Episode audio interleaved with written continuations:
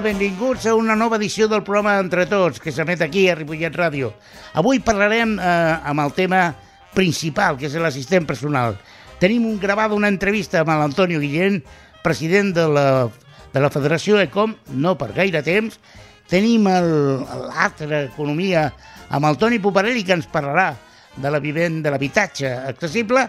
Tenim a la, a la Sole, que ens parlarà de què diu Europa de tot això. I bé, un programa molt interessant que comencem ara mateix.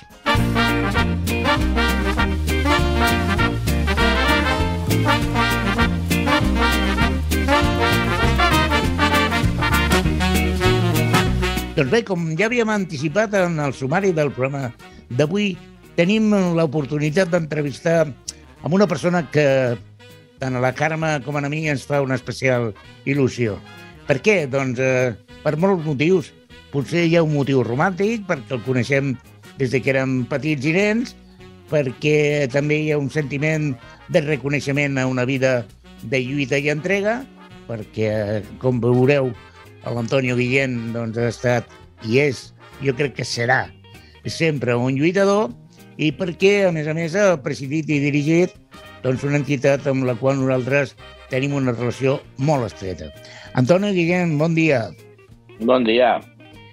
Mira, jo voldria començar a preguntar-te mm, mm, com va aparèixer o quan va aparèixer la teva vocació activista en el món de la discapacitat.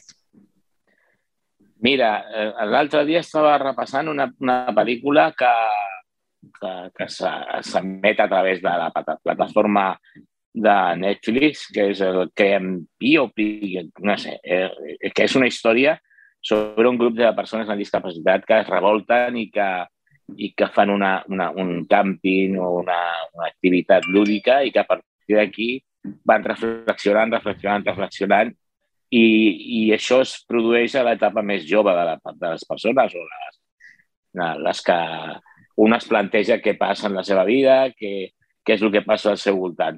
I jo vaig començar per aquí, a la meva etapa juvenil, l'etapa en la que ens trobàvem uns quants, reflexionàvem, pensàvem com estaven les coses, veien que les coses no estaven gens bé, perquè a més era una etapa predemocràtica, i ahir vaig prendre consciència i la vaig anar consolidant en els anys i amb, i amb l'acció, amb l'activitat, l'activisme i després amb la responsabilitat institucional perquè avancessin les normes, les lleis, i hem arribat fins aquí, però també he de dir que no he només fet coses per la discapacitat, sinó que he tingut al, al llarg de la meva vida altres intervencions a nivell sindical, a nivell eh, veïnal, a nivell... I no ja defensant la discapacitat, sinó intentant ser com un individu més eh, que intenta doncs, eh, participar a la, vida, a la vida social en general.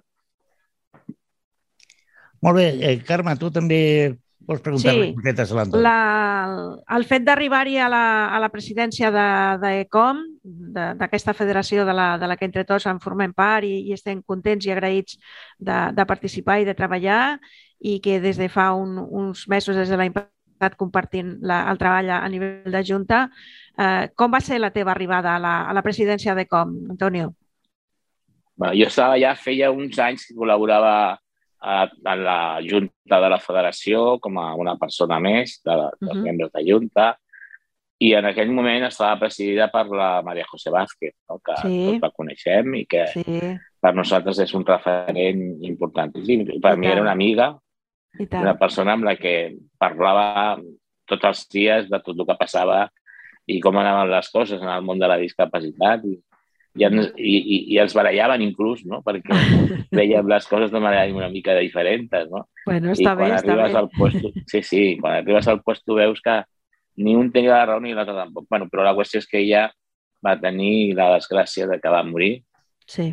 Eh, com en aquell moment es va quedar, diguéssim, orfa de, a, a nivell de presidència i, bueno, es va barejar quina persona podia encapçalar aquesta presidència i, i es va pensar entre tots que, que podia ser jo i, bueno, jo que no ho tenia previst, no m'havia presentat a cap assemblea per ser president, mm -hmm. doncs, bueno, vaig acceptar de, transitoriament a, a agafar la presidència i a partir d'aquí, doncs, després ja les assemblees següents es van convalidar i, i hem arribat fins aquí, fins a uh -huh. aquests fatídics 10 anys últims, no?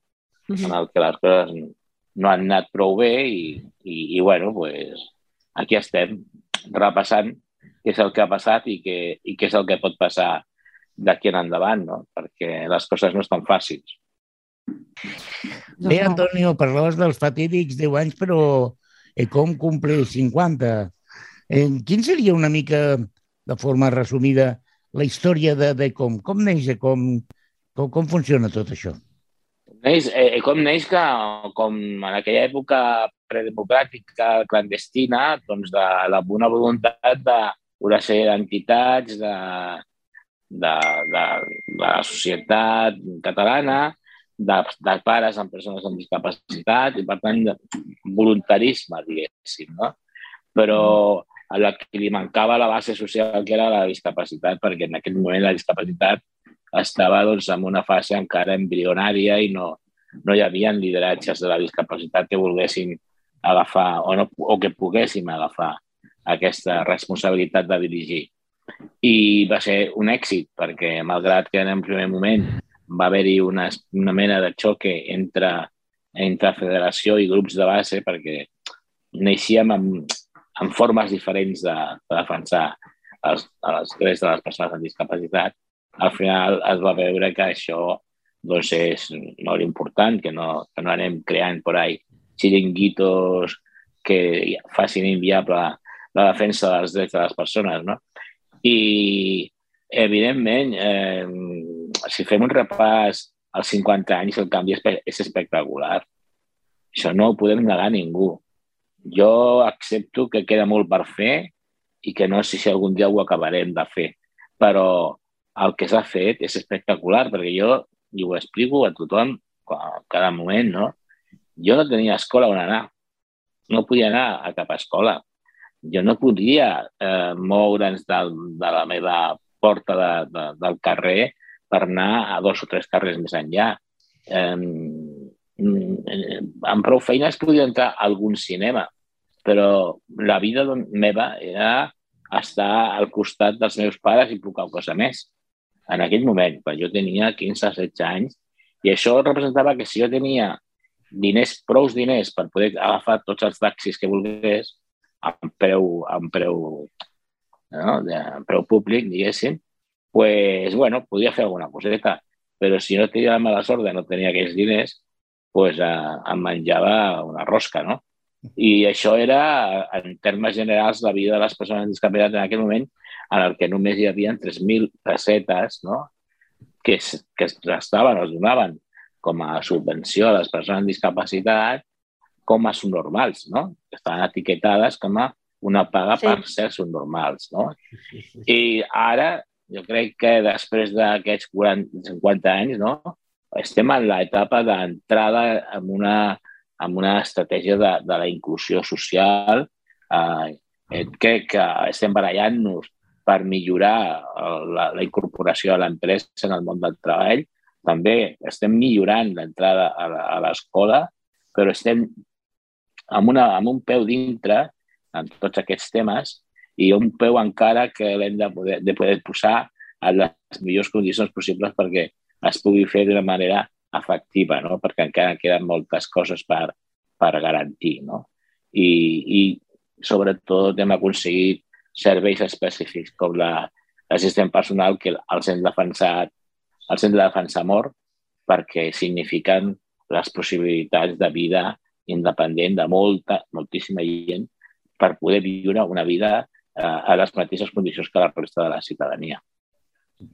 Per tant, estem sí, molt millor i l'havia sí. publicat doncs, només cal mirar-la i el transport públic també cal mirar-lo com estaven i com estan ara, no només per nosaltres, sinó pel conjunt de la població. I això ho hem aconseguit nosaltres perquè vam treballar amb, la, amb, amb els polítics responsables de cada tema i va haver-hi una resposta positiva.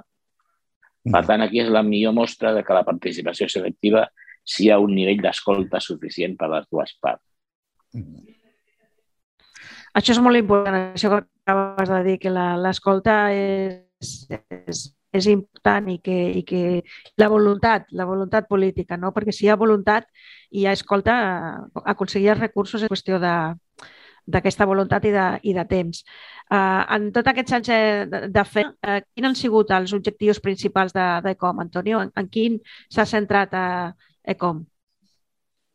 Bueno, malgrat que aquesta visió dels 50 anys sigui positiva, clar, mm -hmm. l'etapa que jo he tingut cap a ECOM és una etapa absolutament de, de mancances, de, de, de, de crisis, eh, eh, després la pandèmia, i ara ja només faltava la guerra. No?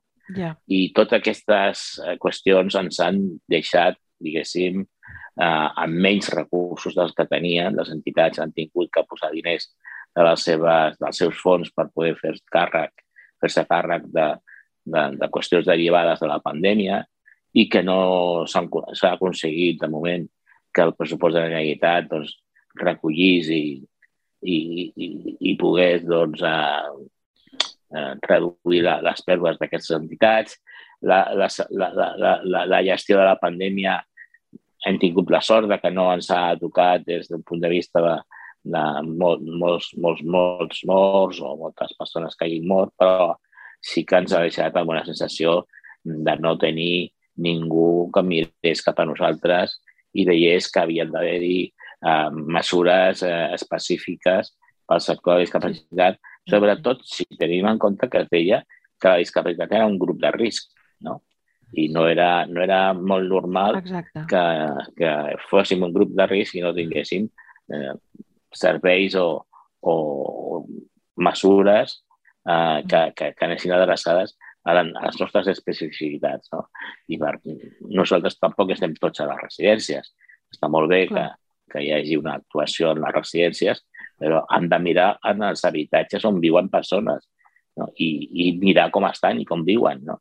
I si realment necessiten suport, mm, pues, eh, s'hauran de preocupar la Generalitat d'aquest tema. No? I a mi el que em va deixar més, més fotut va ser precisament la comunicació, perquè la comunicació, que és essencial en, un, en una qüestió com aquesta, doncs resulta que no, que no existia per molta gent de molta gent que era fora dels àmbits de la comunicació introduïda des de l'àmbit públic i la pandèmia anava avançant i anava canviant les mesures i les persones seguien sense saber com i per què, no? I això a mi em sembla que és una manca de, de mirada i de reconeixement uh, cap al col·lectiu de persones amb discapacitat en un moment molt difícil, en el que fins i tot es va dubtar de si en un moment de conflicte d'interessos entre dues persones que han d'anar a la UCI, una persona amb una discapacitat i una altra persona sense discapacitat, no s'hauria de prioritzar la persona sí. sense discapacitat, amb la qual cosa, bueno, pues, introduïem un, un, un, un nivell de, de, de, de discriminació brutal, no? discriminació que posava en valor més una, una persona d'un tipus que de l'altre. I, ah en general, aquests 10-12 anys són anys que hem d'intentar superar en el menor temps possible. En el menor temps possible. Consideres que han hagut una, una regressió en els nostres drets, Antoni, en aquests 10 anys que tu has comentat diverses vegades? bueno, clar, formalment no, no hi ha hagut cap llei que s'hagi anul·lat ni cap reducció dràstica de recursos de moment, però sí que hi ha hagut un, una, una, una congelació dels recursos per tot, no? Eh, no s'han no cobert necessitats que ja se sabien que s'havien de, de cobrir, noves places residencials, més assistents personals per a persones que, que estan formant part de les llistes d'espera i bueno, pues jo penso que, que sí que, que, que hem patit unes conseqüències negatives i que, i que bueno, inclús la, la inclusió en el mercat de treball, en fi, moltes, mm -hmm. moltes coses que, que no, que no s'han pogut tirar endavant i que el temps que esperen la discapacitat és un, que, un temps que costa molt recuperar, perquè quan un té no, 20 anys no és el mateix que quan té 30.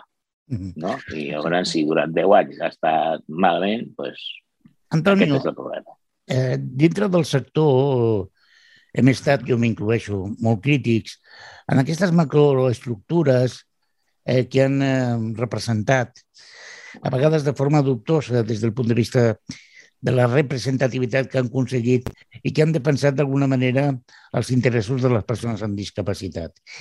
Eh, jo crec que com, perquè crec que és una federació que conec força bé, però mm, la pregunta seria, aquelles persones que dubten de la necessitat de que hi hagin aquestes estructures, és necessària entitats com a, com a ICOM eh, per aconseguir els drets de les persones amb discapacitat?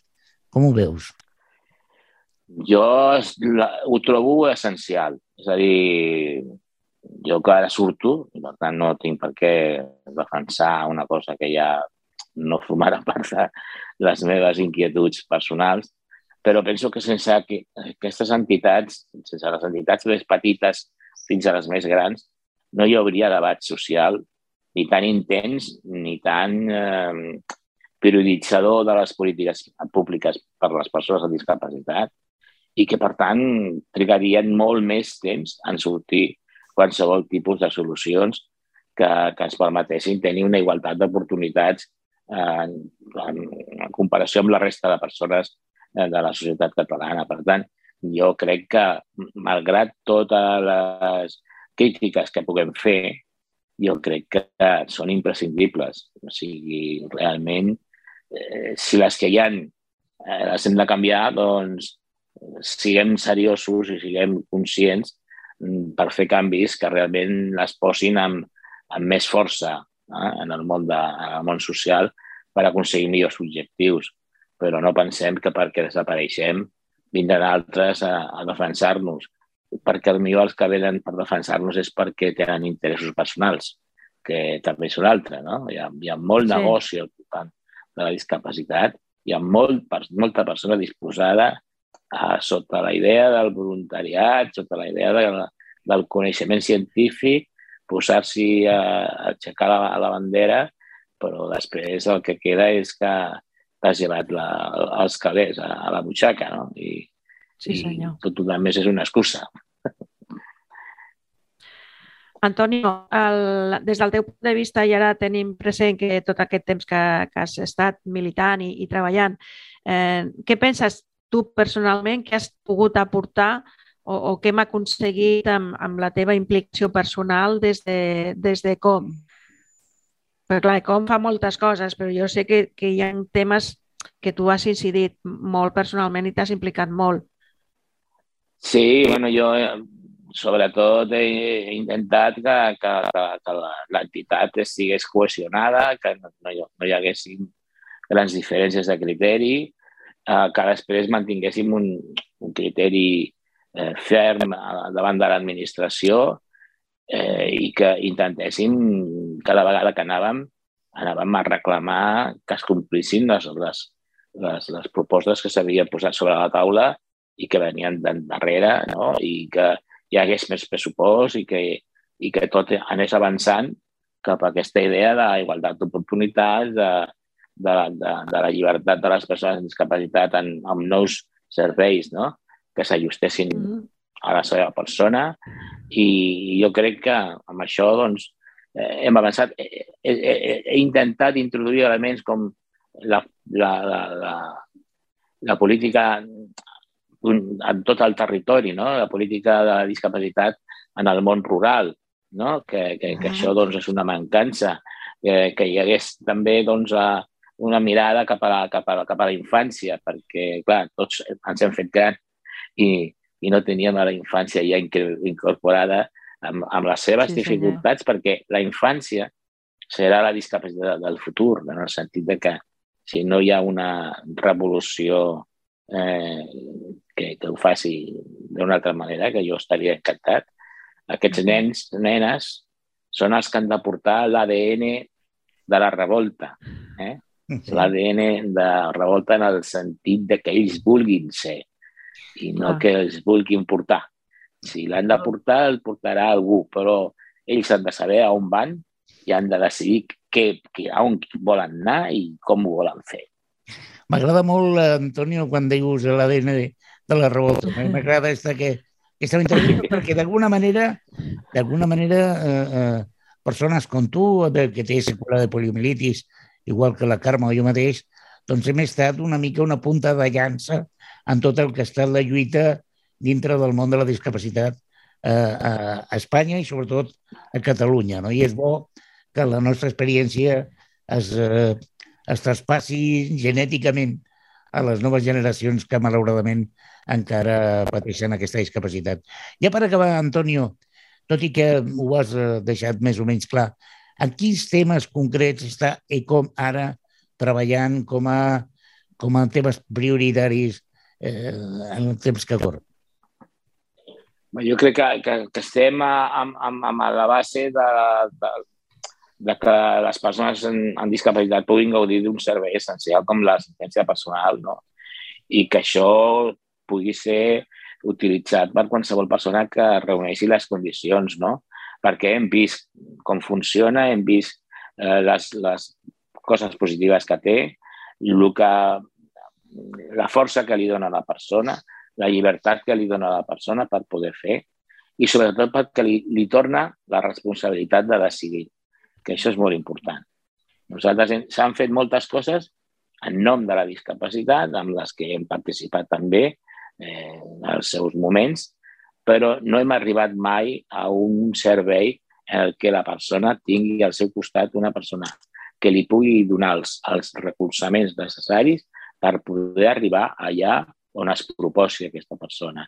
Això és com dir tenir una vida pròpia. És dir poder anar a estudiar poder anar a l'oci, poder anar a, a treballar i totes aquestes coses que no tenen per què estar vinculades per tenir el servei, però sí que són potenciadores d'unes persones que en el futur hauran, tindran més possibilitats, més poder i, per tant, més possibilitats d'incorporar-se a la vida quotidiana.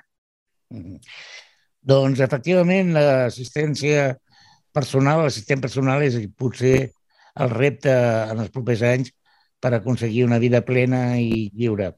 Antonio Guillén, president de, de ECOM, no per massa temps perquè ho deixa, s'agafa unes merescudes vacances i et volem agrair el fet d'haver atendre els micròfons d'entre de, tots aquí a Ripollet Ràdio i bé que sàpigues que aquesta és casa teva per si vols fer qualsevol tipus d'intervenció, comunicació, i quan estiguis més descansat, no descartem la possibilitat de fer-te alguna altra entrevista sobre temes ja més concrets. Mm -hmm. Bueno, no, no hi ha cap problema perquè venim de lluny, no? O sigui que ja des de l'infant, de, sí. de joventut, quasi, quasi, no? I, i per tant, doncs, el que ens quedi ho podem continuar compartint. Segur que Aprofitar i compartir les experiències, oi? Clar, clar, clar. Doncs bé, eh, acomiadem a l'Antonio Guillén, president de d'ICOM, que deixa el càrrec i ha estat una excusa perfecta per poder posar al dia els temes relacionats amb les persones amb discapacitat. Fem una petita pausa musical i continuem a Entre Tots.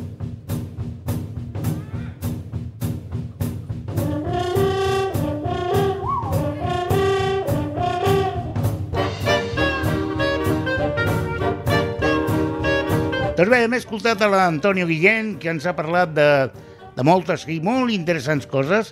I, I bé, doncs, Carme, alguna cosa a afegir en relació amb el que ha dit l'Antoni Guillén?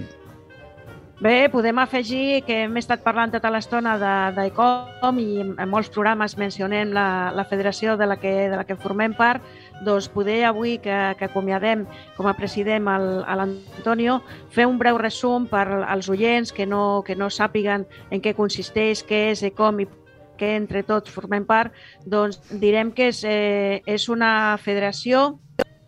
Són, en, en general som un moviment eh, impulsat per persones amb discapacitat física o orgànica, igual que, que entre tots, que, treba, que treballa a través del, del nostre empoderament de les persones amb discapacitat i de la pròpia participació per aconseguir una societat inclusiva on poder fer efectiu l'exercici dels nostres drets. Va, sota la, la marca d'ECOM s'agrupen la Federació ECOM i la Fundació ECOM. Actualment, la Federació ECOM està integrada per més de 120 entitats de persones amb discapacitat física i orgànica de tot el territori estatal eh, tot i que la majoria és, eh, som a Catalunya. La missió principal d'aquesta federació i de la Fundació ECOM és, és doble. En primer lloc, defensar el, els exercicis dels drets de les persones amb discapacitat per eh, arribar a la plena inclusió social, social i millorar la qualitat de vida. Amb aquest empoderament de les persones com a eix vertebrador, en segon lloc, enfortir el, el sector associatiu de la discapacitat física a través de la participació, la representació i aquest mateix empoderament que, que, que diem. Amb la visió sempre de ser una entitat de referència de la discapacitat física i la interlocutora reconeguda i legitimada per al desenvolupament de polítiques que afavoreixen la igualtat d'oportunitats sempre amb amb un esperit d'innovació, col·laboració i transformació social. Els valors Eh, per tant, i la, i la missió que, que tant ECOM com la nostra d'entre tots eh, se sostén són els valors de l'empoderament, la inclusió, l'activisme, la participació, el compromís i la innovació social. Cal dir que aquest any hem complert 50 anys com a, com a federació i bé, com a, com a notícia justament d'aquesta setmana, doncs demà, demà divendres, Eh, tenim eleccions a, a ECOM, s'acaba aquest mandat d'aquests quatre últims anys, com ha mencionat l'Antonio, i a partir de divendres una nova eh, junta eh, prendrà el, el relleu i continuarem treballant de la que entre tots eh, entrarà a formar part. Una de les tasques més importants que tindrà la nova Junta és precisament abordar el, l'eix del el tema principal del programa d'avui, que és l'assistència personal. I tot i que l'Antonio ha explicat d'alguna manera en què consistia, és evident que l'assistència personal suposa un dels reptes del segle XXI per a les persones amb discapacitat. Eh, Carme, tu com valores el tema de la... Breument, eh? Breument, perquè tu... Sí, sí, sí. No, tu, Carme, perdona que t'ho digui, però és que comences a xerrar, a xerrar, a xerrar, i no Clar, acabes mai. És el, que té, és el que té tenir molta informació. Ah, ja, doncs, home, eh, doncs, doncs bé, eh, fora de bromes. Què, què opines respecte breument sobre el tema de l'assistència personal? És l'objectiu, és el paradigma d'aquest nou, uh, nou mandat, tot i que és, eh, com, com he dit, eh, és el líder i, i pionera Eh, com a federació a treballar l'assistència la, personal. Tot això ve del moviment de la vida independent i l'assistència personal és això, és el que ens dona, ens dona a nosaltres, les persones amb discapacitat, aquesta autonomia, aquesta igualtat d'oportunitats. No volem fer de tot, sinó tenir l'oportunitat de poder fer eh, allò que, que volem fer o allò que puguem, però amb igualtat d'oportunitats. Aleshores, eh, estem treballant, però ja estem... Això ja s'està fent molt llarg, Albert, perquè eh, portem amb un programa pilot que es va iniciar amb la Generalitat a través de l'Ajuntament de Barcelona, conjuntament, ja dic, liderat per, per ECOM, i portem amb un programa pilot vuit anys. Vull dir, mm, això ja comença eh, a fer una miqueta de, de mala olor, saps? Si em permets, Carme, eh, eh, sí? pels que estiguin escoltant neòfits, eh, expliquem molt senzillament i molt planeament què és l'assistència personal. A veure, què és el que jo no puc fer per mi mateix? Em puc sí? pentinar? No, no puc pentinar, doncs algú m'ajuda a pentinar-me. Eh, puc obrir la porta de casa per sortir al carrer? No, doncs algú m'obre la porta de casa. Em pica el nas i no em puc rascar-me. Doncs bé, algú em rasca el nas. Però el que és molt més important de tot és que algú m'ajuda a treure l'ordinador de la motxilla, algú m'ajuda a anar al lavabo perquè m'estic pixant, algú m'ajuda a què? Doncs a viure amb tota la normalitat del món. Però no és la meva mare, ni és la meva cosina, ni tan se val la meva parella. És un professional que està, que són les meves mans i els meus peus, i a vegades fins i tot la meva veu. Perquè l'assistència la, la, personal està pensada a que un professional compensi allò que una persona amb discapacitat no pot fer. Ho heu entès? Ho heu entès tots, eh? Oients i oientes de Ripollet Ràdio, ja sabeu el que és l'assistència personal. No és una mare en el sentit de ai, abriga't, que fa fred, que menja, que has menjat poc. No, perquè el que es tracta és de respectar en tot moment la voluntat de la persona amb discapacitat, tampoc és una parella, no t'ha d'estimar, no t'ha de comprendre, no t'ha d'orientar, no t'ha de donar recolzament si ho fa com a ésser humà, perfecte, però no, dintre de, no entra dintre de les seves funcions. I això cal aclarir-ho, perquè és senzillament el dret a tenir una vida el més normalitzada possible. Eh? D'acord? Exacte, exacte. I això és el que recull el, el decret que ha de sortir, que encara està pendent d'aprovació al Parlament de Catalunya i és la lluita que estem tenint des de les entitats, els usuaris, els usuaris que ja són eh, receptors d'aquest servei d'assistència personal, que recordem que no té res a veure amb el servei a domicili que actualment es proporciona des dels serveis socials municipals. No té res a veure, no és el mateix que et vinguin a netejar la casa o a dutxar-te tres dies a la setmana que una assistència personal que és cada dia tot allò que tu necessitis per sortir de casa, per dutxar-te, per anar a la universitat, per anar a treballar, per anar al cinema, per anar a fer una cervesa amb els col·legues, pel que necessitis amb igualtat d'oportunitats. Aquesta vida independent és el dret reconegut a la, a la Convenció de Nacions Unides i que encara estem lluitant perquè aquest projecte pilot deixi de ser pilot i s'aprovi aquest decret, tingui el reglament necessari i, per tant, la, eh, la partida pressupostària reglamentària que està aprovada i està reconeguda dintre de lo que és la llei de la, de la dependència que ja existeix i, i en som usuaris. Ah, que us agrada la idea, eh? Us agrada punyeteros, eh? Esteu pensant, ah, caram, si algú, de... escolta, amb abaniquers, eh? Com els faraons aquests d'Egipte, no? Aquell que tenien els esclaus i esclaves que els hi feien el vent. Doncs clar, és que tot això pot semblar molt bé, però sabeu què passa? No, no, no us ho explicaré jo. Patiu una mica. Escoltem una mica de música i el Toni Poperarí ens parlarà d'algunes de les dificultats de tenir una discapacitat.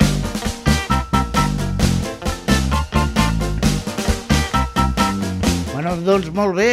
Com he dit, passem a, a la secció del Toni Poperarí. Eh? L'altra economia, eh, que ens parlarà de l'habitatge, perquè, clar, Carme, no sé què penses tu. Eh, eh, bueno, abans de res, eh, hola Toni, bon, bon, bon dia. Hola, bon dia. Doncs bé, Carme, que, clar, l'habitatge és important per al tema de l'assistència personal, no? Home, és imprescindible perquè es tracta de que la persona pugui viure a casa seva Ara mateix, la, el que socialment i per part de l'administració la solució més apropiada quan la persona ja no podem, eh, diguéssim, eh, fer-ho tot per nosaltres mateixos, doncs eh, és eh, posar-te en una residència. Però la llei diu que la persona amb discapacitat pot escollir, això ens ho remarcarà molt bé la nostra, la nostra eh, companya Sole quan, quan parli del tema, tenim el dret a escollir on volem viure, en qui volem viure i de quina manera. Per tant, si la persona no vol estar en una residència, ha de tenir el dret de tenir un habitatge digne i, per tant, si és digne, ha de ser accessible. I aquí tenim el problema i per això jo crec que té totes les dades al, al Toni. Doncs bé, Toni, ja saps, a tu sempre et toca la part més lletja del programa, eh? Dades i dades i dades i dades i dades. Però escolta, són imprescindibles per analitzar la realitat. A veure, que, que, que, quines dades ens regales en, en el programa d'avui? Avui parlarem de, de l'habitatge i de l'accés a l'habitatge. Hi ha una notícia important que vull exposar, però més endavant vull parlar una petita introducció que s'entén per una vivenda, un, un habitatge accessible i adaptat Comencem per aquí, després explico la notícia. Eh, què vol dir una, un habitatge que és accessible? La seva definició és un habitatge accessible és aquell que s'adapta a les necessitats dels seus habitants. Així de simple, així de senzill. Però anem un pas. Quina diferència hi ha entre una vivenda accessible i adaptada? Són dues coses importants. De forma genèrica, els conceptes poden ser similars, no? com a sinònims, però no ben bé. Però amb, amb els dos es, es defineixen aquelles habitatges que estan exentes de barreres en el seu entorn i que permeten que les, les persones joves, grans i demés amb mobilitat reduïda o amb alguna discapacitat física o sensorial poden desenvolupar les seves rutines habituals, la seva vida, de manera autònoma, independent i segura. I aquí entronquem amb el tema de la vida independent i de l'assistent personal. Per aquelles coses que no s'arribi a fer una persona de manera autònoma, ho complementi perquè pugui tenir una vida de plena. No? I això és el, el més important. Des del punt de vista més específic, un habitatge accessible és aquell que ha estat dissenyat i concebut, ja dissenyat des de l'inici, tenint en compte els criteris d'accessibilitat universal. Això és important. Si tu construeixes de zero una vivenda o un edifici de vivendes, a fer-lo accessible. O pot ser tota la zona comunitària i de més accessible, però si ja de bon principi comença ser molt més fàcil que fer-ho. Mentre, en canvi, una, un habitatge adaptat o adaptable seria aquell que un cop a posteriori l'adaptes a fer poder a ser accessible per a aquelles eh, persones amb discapacitat específiques d'un tema, dificultats per bany, pues tindran un bany accessible, etc i es va adaptant a el que, a que sigui. Tenim en compte que al llarg de tota la nostra vida, ja de ben petits i sobretot també de part a, a més dels 70 anys en endavant, som persones dependents i, per tant, necessitem que el nostre entorn sigui adaptat a allò, de petit per portar el cotxet amb el nen petit i després de gran parlar amb el taca-taca o el que sigui per poder fer quatre passes. No? Quins criteris deu, deu complir perquè sigui un, un habitatge accessible o adaptat? Són molts els criteris que depenen també això del canvi del temps, no? Al llarg de la vida, doncs, un va necessitant des de ben petit i després més endavant, eh, ja de més gran, de 70, de, segons la llei, una persona de més de 70 anys es considera que necessita una vivenda accessible, tindrà més limitacions per poder fer la seva, la seva cosa. I, per tant, s'ha de tenir en compte tot això a l'hora de comprar un habitatge o a l'hora de, de construir-lo o adaptar-lo. Però només ha de ser accessible a l'interior de la vivenda. Per llei, tots els entorns han de ser accessibles. L'accés a l'edifici en si mateix, a l'immoble, ha de ser accessible per llei, des del botó, des del botó, això, a veure... Això, això, cal, això cal la pena explicar-ho, perquè Eh, perdoneu-me, és que a mi el tema de l'accessibilitat últimament em treu de polleguera. És obligatori per llei que tot sigui accessible. Enteneu? No sé sí, sí, que sigui. I, i, és... i no és només una persona, perdó, no, no, no, no digues, digues. una discapacitat, sinó per llei, una persona, un edifici on visqui una persona de més de 70 anys ha de tenir dret a que sigui accessible a l'immoble i les zones comuns, però fins a arribar al seu habitatge. Perdona que t'interrompeixi, és que, clar, moltes vegades pensem que això, home, depèn si no n'hi ha, no n'hi ha. No, no, no, no, no.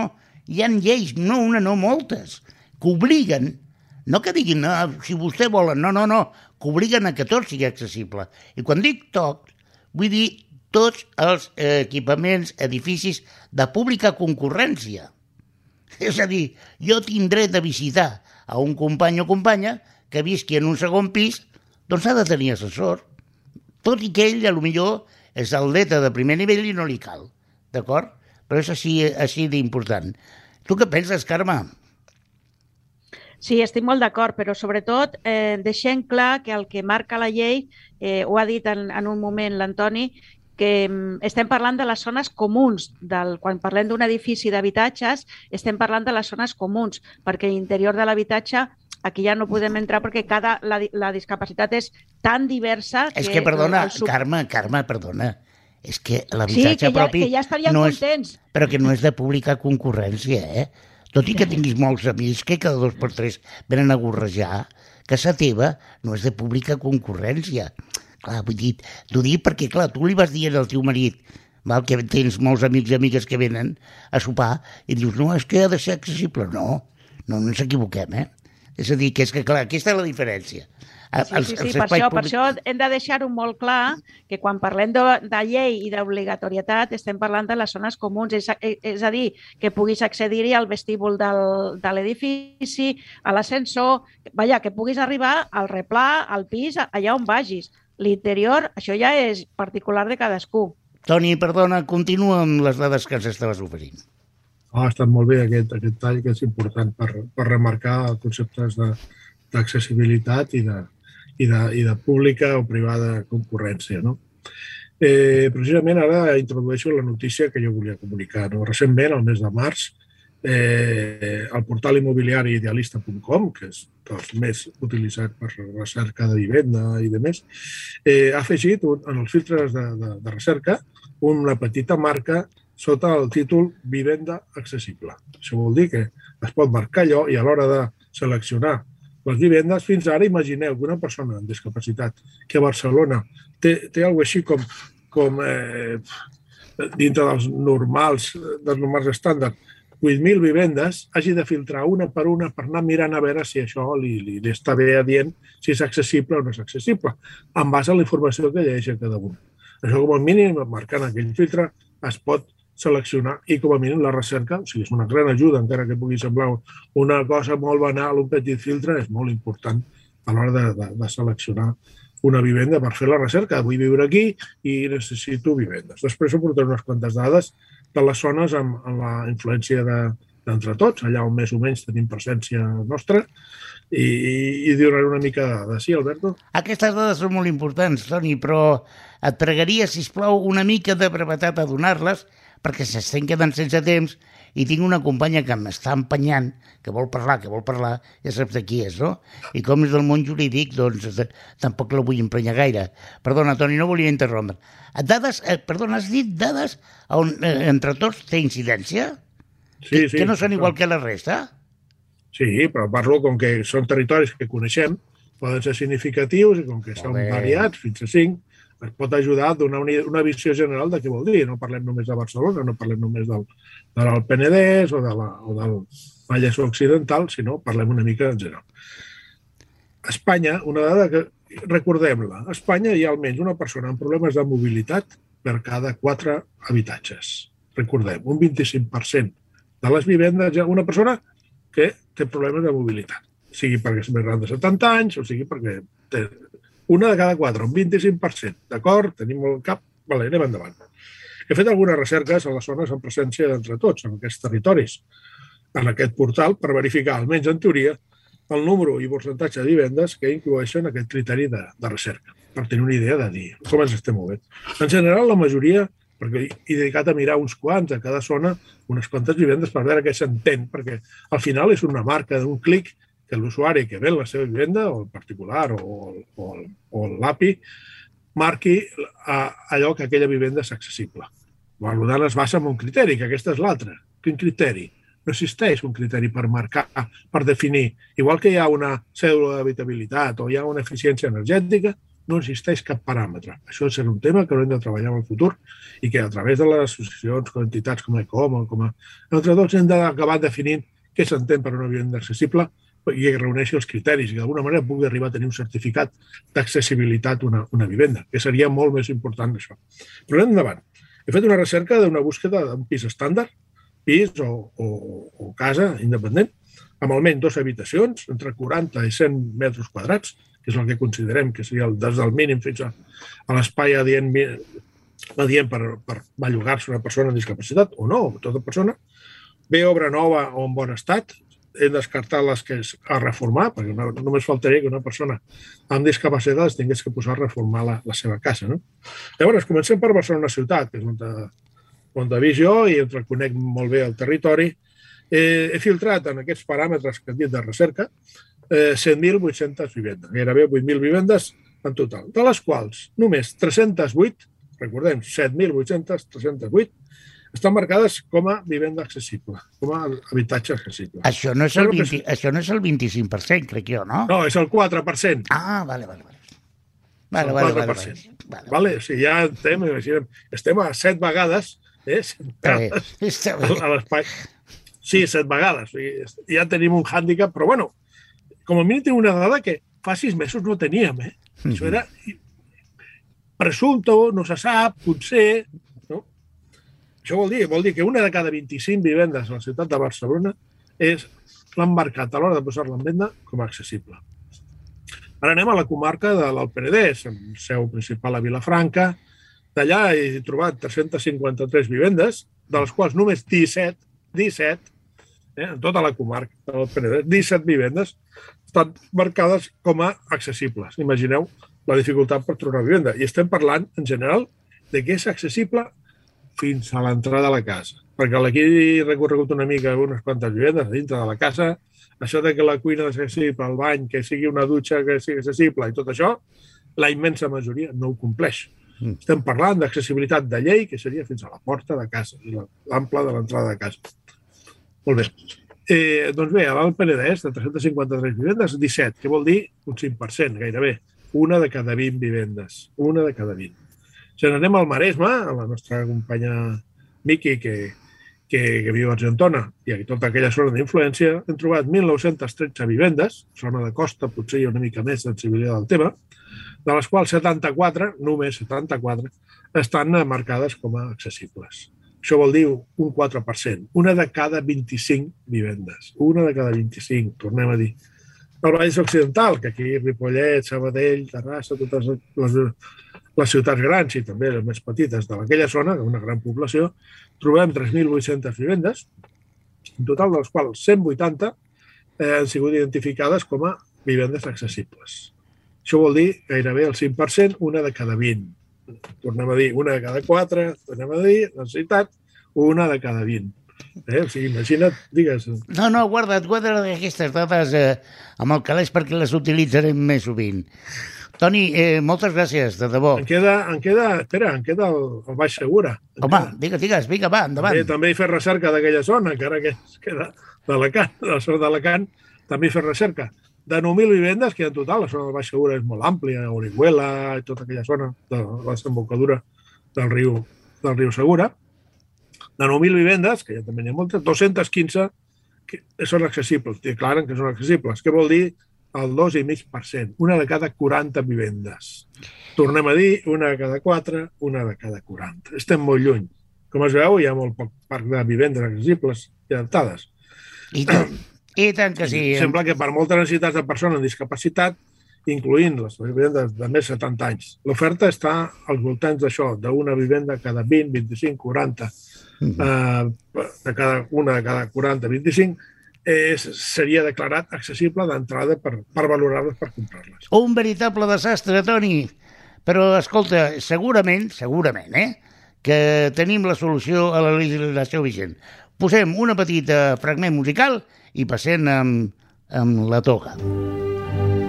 La meva àvia deia que família, abogado i doctor, cuanto más lejos mejor. Però en aquest cas no és veritat.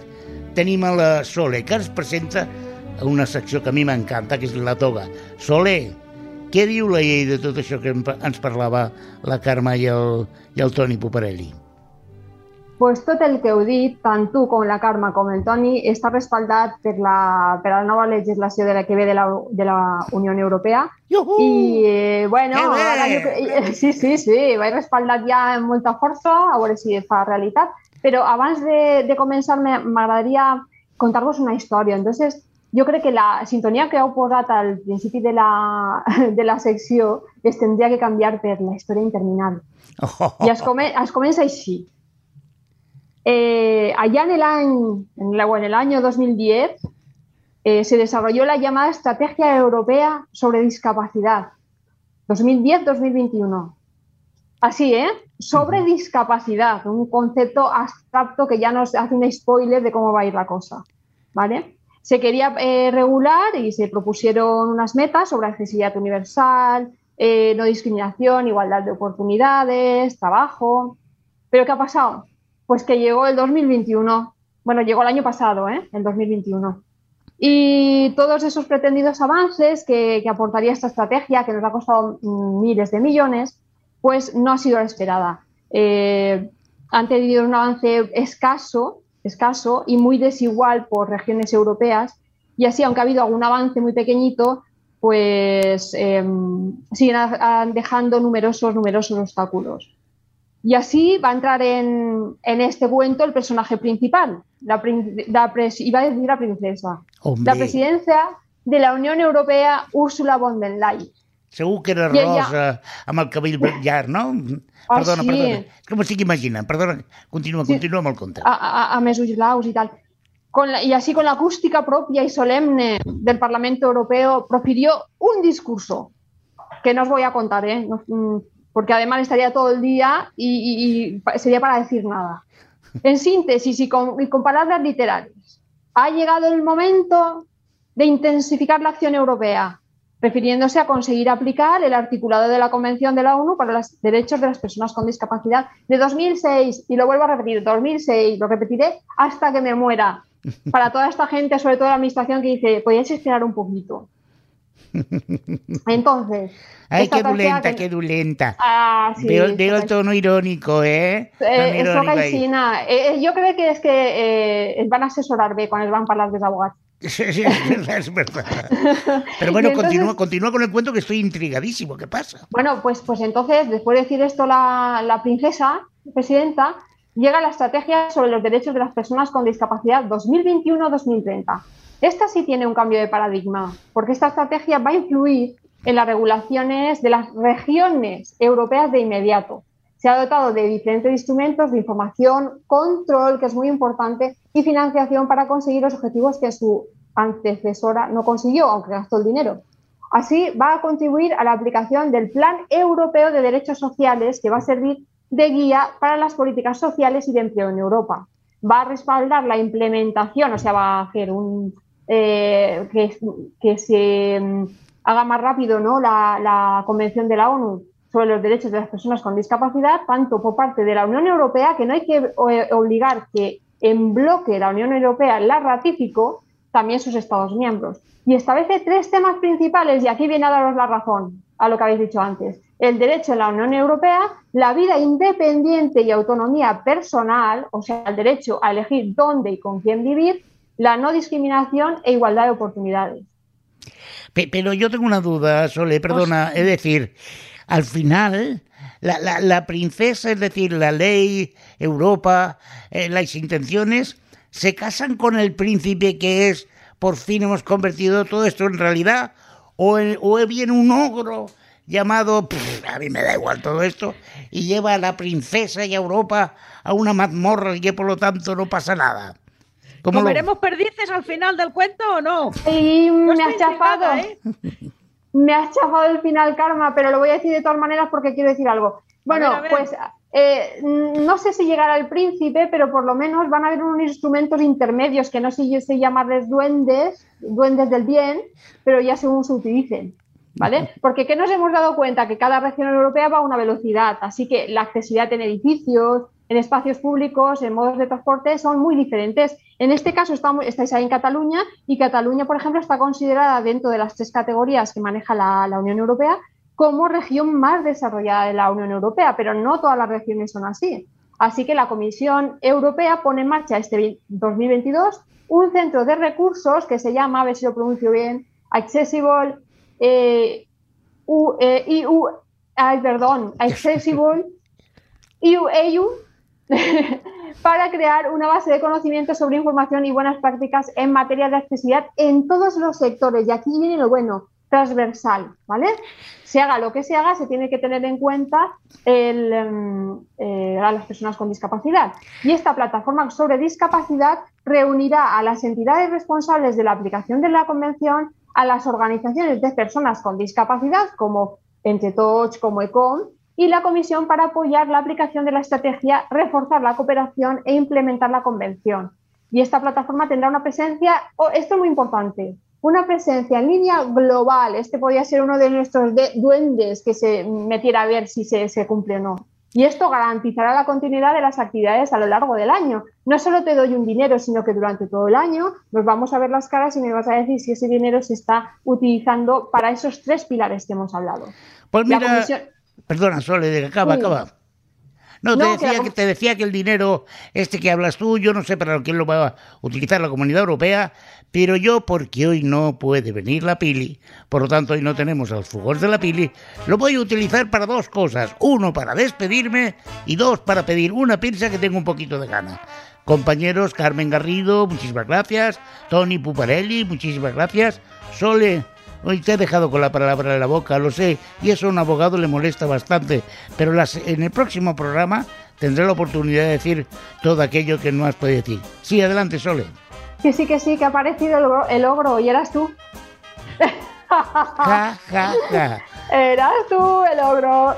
Pero bueno, Bueno. Vosotros os Vamos lo a. No, por feo, por Además- fe- Vosotros os lo perdéis. por exacto. Vosotros os lo perdéis. Bueno, compañeros y compañeras, audiencia Lo toda. haremos posible entre todos, lo haremos posible, ho Os farem de- possible. Venga, va, callar todos ya una puñetera posible. vez, que sois una, una jauría de, de, de, de- Bueno, pues nos despedimos hasta la dentro de un mes donde tendréis la posibilitat de compartir con nosotros aquest programa que es diu Entre Tots. I ja sabeu, no demanem oients, sinó còmplices. Còmplices. A reveure. Adéu. adeu.